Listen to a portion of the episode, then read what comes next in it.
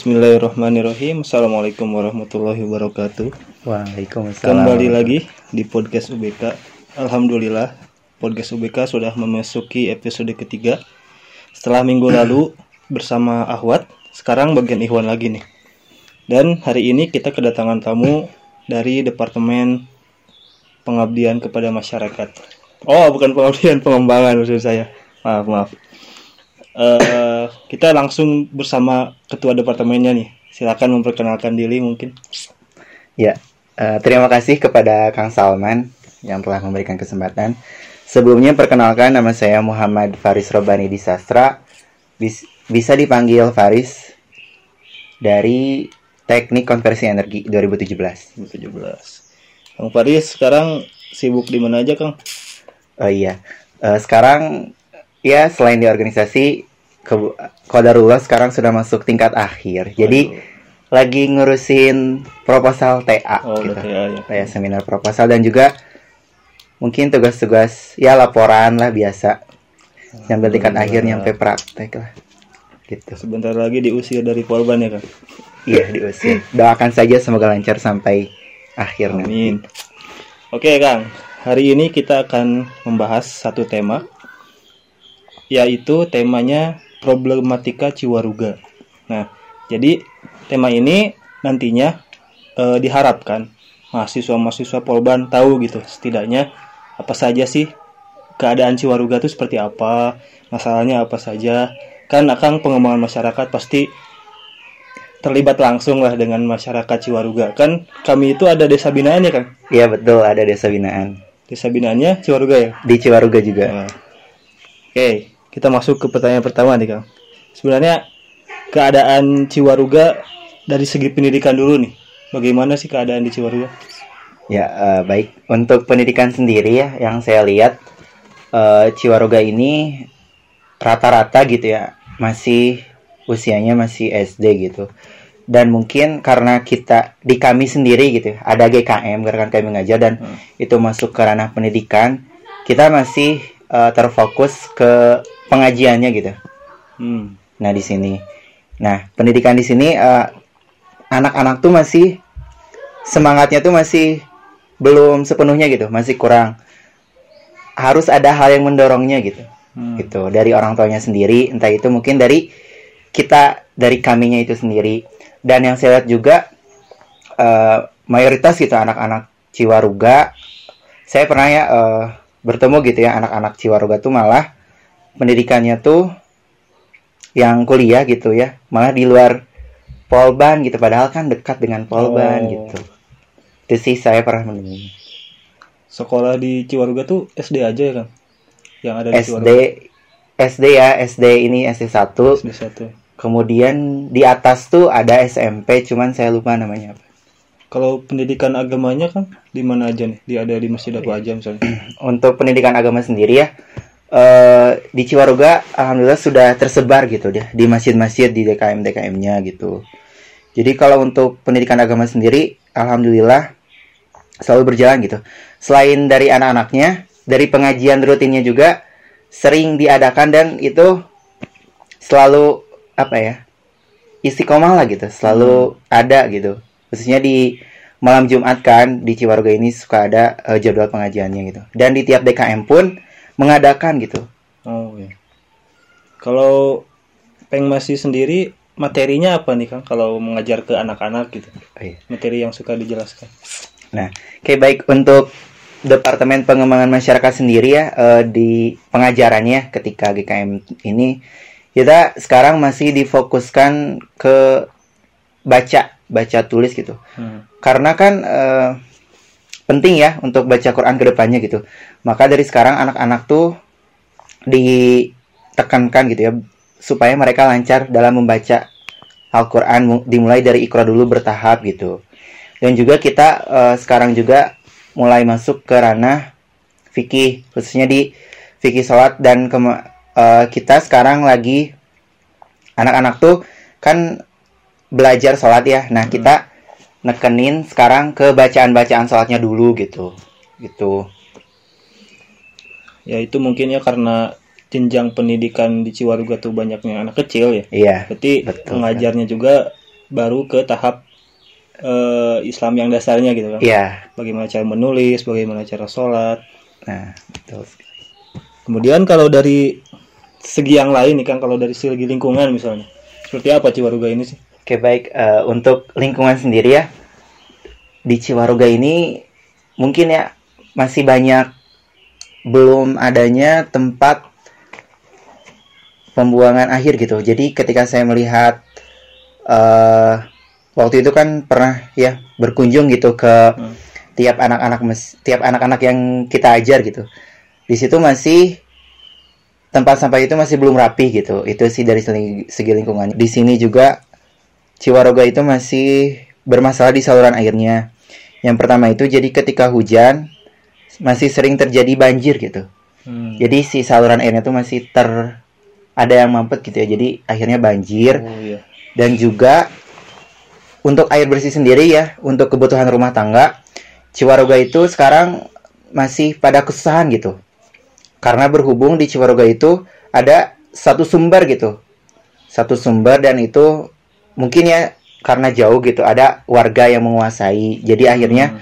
ya mungkin ada yang mengatur dan ke- ketika saya lewat pun gitu ya warga-warga tuh me- me- mengecek gitu selalu mengecek bagaimana sih selang-selang itu jadi dari pusat pusat air nih untuk ke rumah warga, warga itu disalurkan dengan pipa-pipa atau selang-selang nah di situ warga mengaturnya gitu Hmm. Ini agak tertarik dengan masalah sampah nih kan.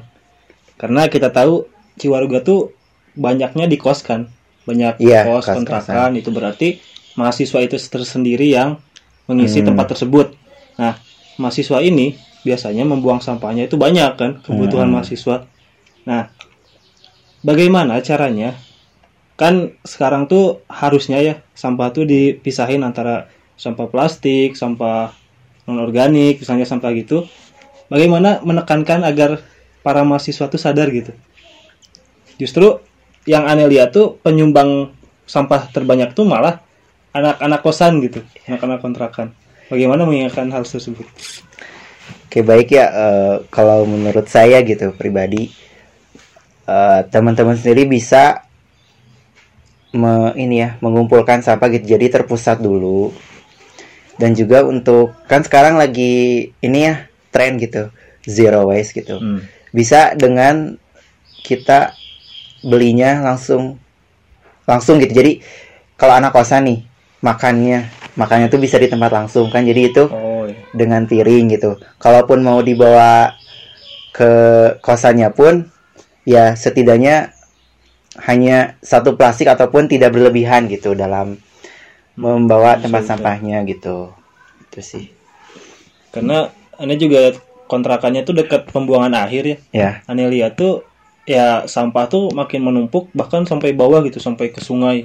iya. ke sungainya betul. itu. Bahkan ketika mahasiswa sudah eh, apa memisahkan antara plastik dan yang non organik misalnya, oleh tukang sampahnya pas di pembuangan air malah disatuin lagi gitu. Ya, nah itu juga berarti dari ya kita sekolah mahasiswa kan sudah berusaha gitu ya Hmm. me- memisahkan antara organik dan anorganik. Ya mungkin untuk tukang sampahnya sendiri eh, bisa gitu ya meng- memisahkan gitu.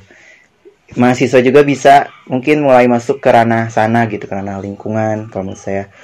Kak dan juga ya itu sih kitanya ke mangnya gitu, mang nanti dipisahin gitu. Hmm, betul betul.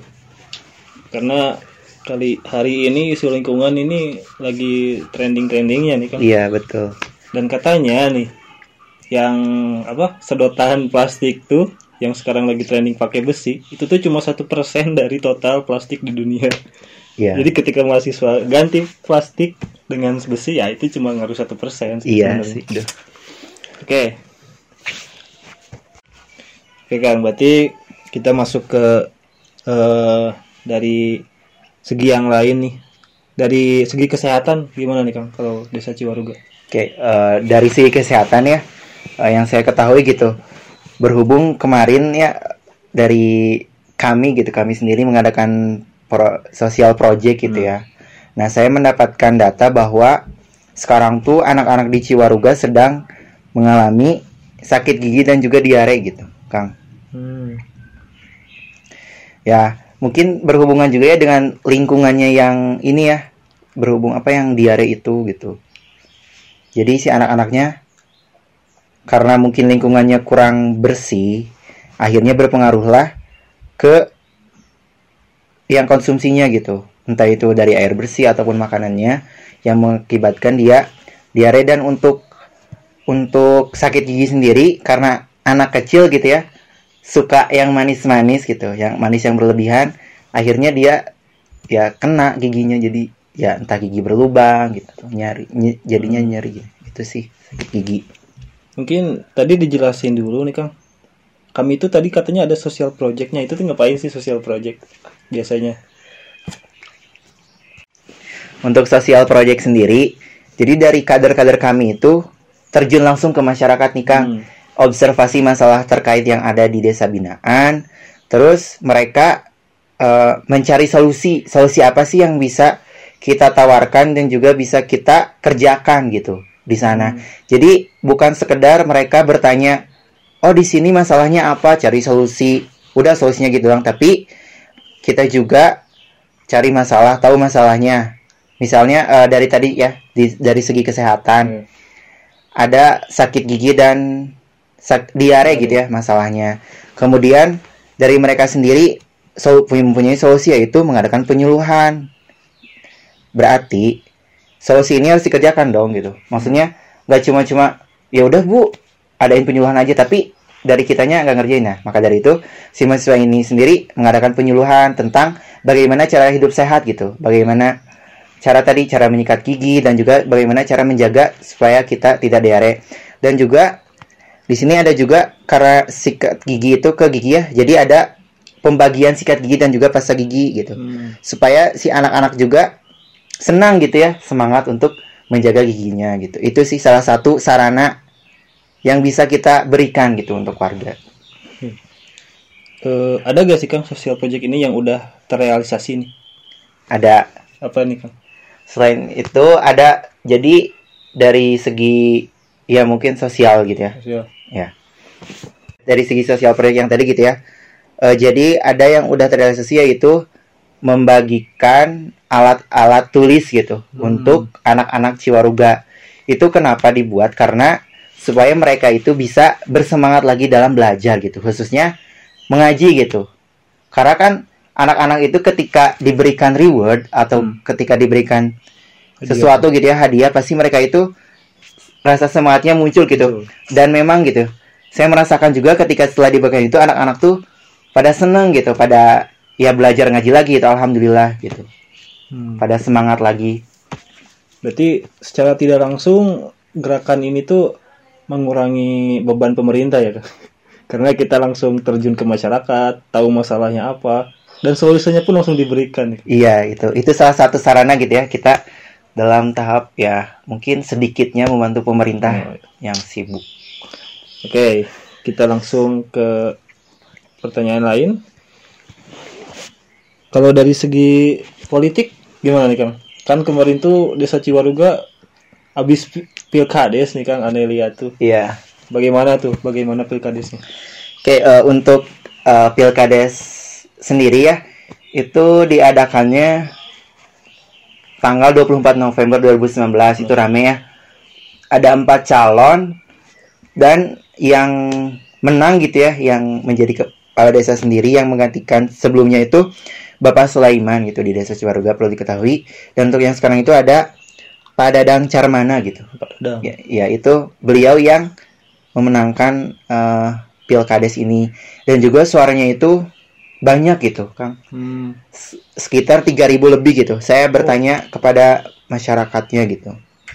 Berarti antusias dari masyarakatnya juga cukup tinggi ya?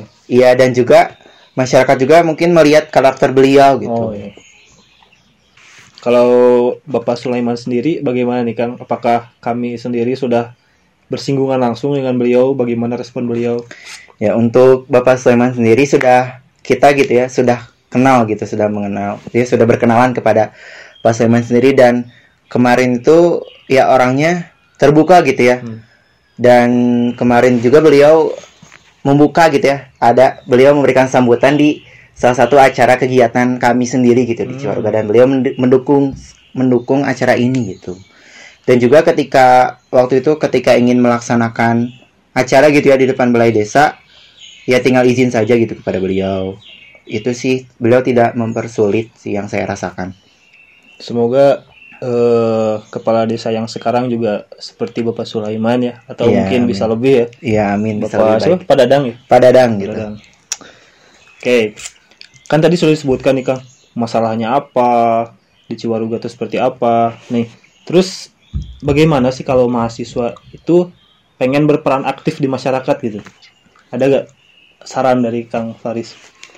Ya eh, mungkin ya eh, untuk masyarakat untuk mahasiswa sendiri gitu yang ada di Ciwar di Ciwaruga untuk berperan sendiri ke masyarakat bisa sih. Dengan mungkin salah satunya gitu karena mahasiswa juga merupakan bagian dari masyarakat bisa dari hal, hal terkecil gitu yang tadi yang dengan membuang sampah dengan yang baik gitu.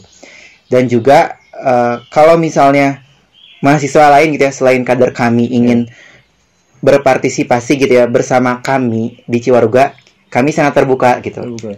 iya gitu. Jadi mangga kepada mahasiswa gitu yang ingin langsung gitu ya salah satunya dengan tadi mengajar gitu. Silahkan gitu. Ya mungkin ke depannya in- ini rencananya sih pengennya yang ngajar itu dari luar kader kami juga ada gitu. Di Polban sendiri kan ada PKM juga ya Kang. Iya. Pengabdian kepada masyarakat. Mungkin kalau tidak di kami juga bisa Nah, di yang lain. Iya betul. Juga eh, di Polban sendiri ada pengabdian kepada masyarakat gitu. Ya bisa dengan join gitu ya langsung Iya. dengan mereka gitu ataupun ya ketika di wilayah kosannya gitu ada kerja bakti mahasiswa bisa ikut membantu gitu Hmm. itu. Karena yang aneh pikirin sih ketika kita tinggal misalnya di tiga, tiga tahun di Ciwaruga kita hanya numpang di sini gitu. Mm-mm. Ketika kita lihat kondisinya seperti apa, kita hanya diam saja ya. Iya Peran betul. mahasiswanya berarti kurang. gitu. Ya, betul sekali dan juga eh, di Ciwaruga ini eh, masyarakat juga selalu mengadakan acara gitu ya. Betul. Entah itu mungkin peringatan hari besar ataupun eh, yang lainnya gitu. Nah, mahasiswa juga bisa ikut serta gitu langsung saja gitu. Sebenarnya eh, masyarakat juga terbuka gitu kepada mahasiswa asalkan kita dari mahasiswa langsung aja gitu ya mengobrol gitu kepada masyarakatnya. Melihat jawaban-jawaban Kang Faris ini kayaknya penghalamannya luar biasa nih Kang. Sepertinya eh, udah mengalau eh udah ikut apa saja sih Kang ketika berperan langsung ke masyarakat gitu. Kayak untuk ke masyarakat sendiri ya. Ya. Dulu itu saya eh, ikut di ini Jabar berbagi gitu ya. Di situ saya sebagai fasilitator sebagai pembimbing dari anak-anak yatim gitu ya. Dan juga eh, yang pal yang berpengaruh gitu ya. eh, saya menjadi salah satu ekspeditor gitu di ekspedisi Nusantara Jaya gitu. 2018 tahun kemarin yang diadakan oleh Kemenko Maritim gitu ya. Di mana tuh Kang? Di Pulau Nyamuk Pulaunya di mana? Karimun Jawa. Waduh, itu perahu yang indah sekali. Kang. Iya betul sekali dan alhamdulillah warganya antusias juga dan untuk di kami sendiri ya kami sendiri kemarin pas bulan Ramadan eh, dari DKM ya DKM Miftahul Jannah meminta kader-kader kami untuk untuk melak- mengisi kultum gitu Hmm. kultum sebelum tarawih gitu gitu jadi itu kan salah satu kita apa ya membantu warga juga di sana gitu. Dan juga sendiri tadi eh, di Ciwaruga sendiri kita mengadakan apa mengadakan lomba untuk meningkatkan kreativitas anak-anak gitu santri festival. Hmm. itu biasanya dilakukan di Gebiar Ramadan gitu di desa Ciwaruga sendiri. Dan kita juga mengadakan kurban nih Kurban. kurban nih Kang di sini di desa Ciwaruga sendiri gitu. Kurban alhamdulillah eh, warganya antusias. Alhamdulillah sih selama kami gitu ya mengadakan acara-acara di Ciwaruga eh, antusias gitu para warganya alhamdulillah dan eh, kita juga selain berkutat di Ciwaruga kita juga mengadakan ini Kang namanya KKN Keren. Apa tuh? kami kerja nyata Oh, gitu bukan kuliah kerja nyata. bukan kan ini kami Oh, iya. gitu jadi selain kita membantu desa binaan kita juga membantu desa-desa di luar sana gitu alhamdulillah KKN sendiri telah yang kemarin ya di periode awal kepengurusan kita mengadakan KKN di Desa Nanggrang gitu dengan beberapa bidang yang kita menjadi fokusan gitu. Di antaranya ada bidang pendidikan, kesehatan, lingkungan itu Kang. Berapa hari itu Kang KKN? Satu minggu sekitar satu minggu. tujuh hari berarti.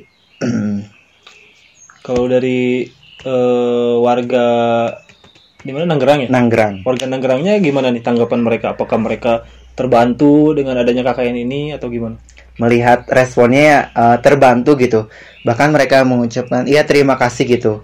Bahkan ketika kita meninggalkan pun pada sedih gitu apalagi yang warga-warga yang ditinggal ditinggalkan oleh mahasiswa yang yang di apa ya yang ditinggali oleh kita gitu maksudnya Hmm. kan kalau KKN tuh di plotting ya Iya. tiap rumah warganya gitu jadi mereka serasa Kehilangan. iya gitu ya mungkin Kang Sawan juga ikut ya oke Iya. gitu sih alhamdulillah KKN. dan sampai sekarang pun ya kemarin terakhir tuh eh, efeknya tuh ya jadi rajin gitu ya anak-anaknya apalagi ngajinya gitu Hmm. dan bahkan sering ditanyain gitu sama anak kak kapan ke sana lagi gitu ya Luar biasa. Anda juga kangen nih kan? iya nih Nanggerang. ya, kita agendakan ke Nanggerang Tahun sekarang juga ada berarti yang KKN nah iya betul tahun sekarang ada insya Allah sedang dirancang gitu oleh rancangnya. Pengmas 8, 18 dan 19 sendiri Oh, doakan KKN ini yang aneh tahu berarti program unggulan dari kami UBK ya. Ya betul gitu. Di antara ya kami ka, ya kami komisariat yang ada di Kota Bandung mungkin yang sudah sering gitu mengatakan KKN itu kami OBK sendiri gitu. Luar biasa. Eh pertanyaan aneh udah cukup berarti Kang. Tapi ada gak sih yang ingin disampaikan Kang Paris kepada para pendengar yang belum aneh tanya misalnya?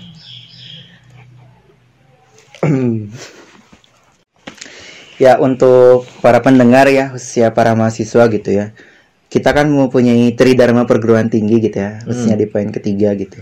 Pengabdian kepada masyarakat. Kita itu sebagai ya yang harus mengabdi gitu ya.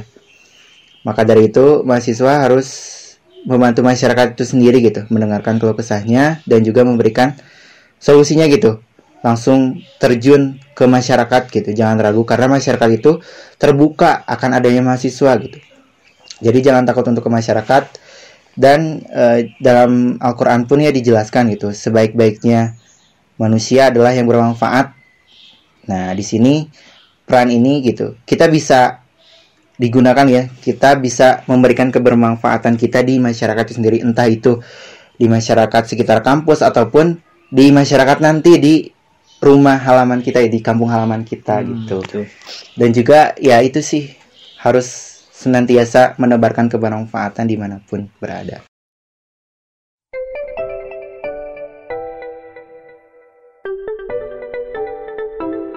Oke, sekarang kita masuk ke sesi tanya jawab dengan netizen yang sudah menyampaikan pertanyaannya di Instagram kita. Oke, pertanyaan pertama ada dari Hamzah underscore Syuhada. Macet CK-CK. Eh, Gimana nih Kang?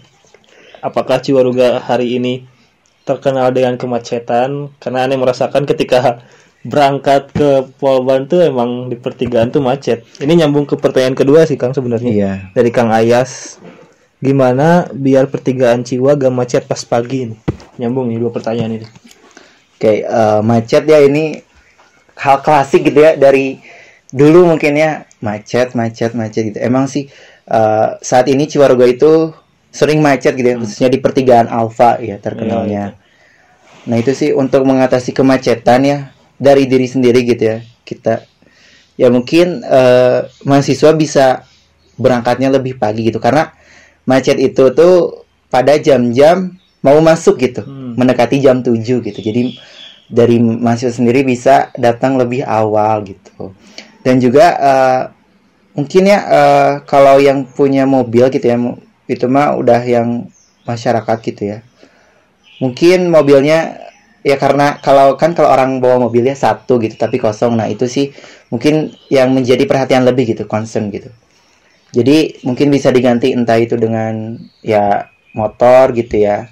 Karena ya itu sih karena banyaknya mobil kan mobil tuh gede ya, Hmm. mengalami ya lebih menutup jalannya itu sih yang saya rasain dan ya kalau misalnya diperluas jalannya kan udah nggak nggak mungkin iya. sih ya banyak banyak bangunan juga gitu dan itu kan yang warga gitu entah kalau misalnya diperbesar warga ke mana gitu itu sih paling ya balik lagi sih ke kesadaran diri sendiri atau mungkin bisa dengan cara hidup sehat nih dengan cara berjalan Oh, gitu. jalan kaki. hayu lempang apalah namanya Karena Bandung ini nih Kang yang karena aneh juga jurusan teknik sipil, nah, konstruksi sipil yang belajar transport. Ternyata Bandung ini udah mengalahkan Jakarta nih Kang. Sekarang Bandung tuh kemacetan nomor satu di Indonesia luar Iya, biasa. Warga Bandung tuh ternyata tiga perempatnya memiliki kendaraan. Ketika misalnya warga Bandung 2 juta aja, berarti tiga perempatnya berapa juta motor tuh. iya Luar biasa kan? satu setengah juta satu setengah juta Iya, setengah juta motor. belum lagi mobil ya Belum lagi mobil luar biasa nah Bandung. itu sih entah mungkin diganti jadi mobil terbang kan Rencananya sih kan kalau kata Ridwan Kamil nih, waktu itu ada kabel kar katanya yang Hmm. menyambungkan langsung dari Lembang katanya dari atas ke bawah. oh iya tuh Tapi nggak tahu progresnya seperti apa kali ya. Karena kan udah diganti juga wali kotanya. Iya sih. Ya program-program itu harusnya bisa ya sama pemerintah gitu. Kita bisa berkaca gitu ya pada Jepang yang wah kendaraannya tuh kan tanpa macet gitu ya. Karena di Jepang sendiri budaya jalan kaki itu udah jadi budaya gitu. Iya. Karena gimana ya Indonesia tuh macetnya luar biasa. Tapi yang di solusinya malah membangun gitu, membangun jalan tol lah, memperlebar lah. Iya, Kenapa kita tidak menggunakan cara itu ya. cara di Singapura misalnya? Di Singapura tuh ketika harga mobilnya 500 miliar misalnya. Nah, si pajaknya tuh dua kali lipat harga mobilnya. Berarti Jadi- orang-orang udah males nih Iya, udah males beli ya. mobil. Ya, itu iya sih betul. Kalau kita memperluas tadi ya, saya menangkap gitu. Memperluas jalan ataupun membangun jalan tol itu malah memberikan peluang gitu Ah, untuk kendaraan-kendaraan betul. makin banyak. Nah, Iya. itu karena mungkin ya mayoritas orang Indonesia tuh mager ya mungkin ya jadi pada males. Padahal itu juga merupakan salah satu sarana kita gitu ya untuk jalan kayak gitu membiasakan gitu ya hidup sehat sendiri gitu. Ya, kalau yang Ciwa kan dekat ya lumayan gitu ke sana gitu. Iya. Berarti kalau solusi tuntasnya ya mahasiswanya jalan kaki ya.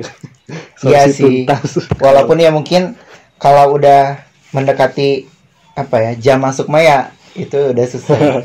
Kayak yang tadi sih berangkatnya lebih awal jadi bisa jalan gitu. Fresh kan pagi-pagi gitu. Tuh. Oke, terima kasih nih Kang kepada Kang Faris sudah 28 menit kita berbincang mengenai problematika Ciwaruga. Diharapkan para mahasiswa Polbantu menyadari bahwa kita hidup di desa orang lain Nah, dan kita seharusnya mengabdi kepada desa ini gitu karena Iya. kita sudah numpang istilahnya di desa ini. Eh jangan lupa ya minggu depan insya Allah kita akan podcast episode keempat berarti bagian ahwat lagi nih. Yang ingin bertanya-tanya silahkan kirimkan ke Instagram kita. Kita selalu melempar pertanyaan dulu kalau sebelum nge-record. Silahkan perta- lempar pertanyaannya ke sana. Jangan lupa follow sosial media UBK ya di Facebook, di Instagram, di Twitter dengan eh, username-nya @kamiubk. Di YouTube juga sama ada @kamiubk dan di Spotify jangan lupa klik follow supaya eh, updatean podcast terbaru kita muncul di notifikasi kalian ya. Mungkin sekian ya untuk episode 3 kali ini, semoga bermanfaat. Eh, nama saya Saman Faris Sidik. dan saya Muhammad Faris Romani di Sastra. Eh, sekian, assalamualaikum warahmatullahi wabarakatuh. Kita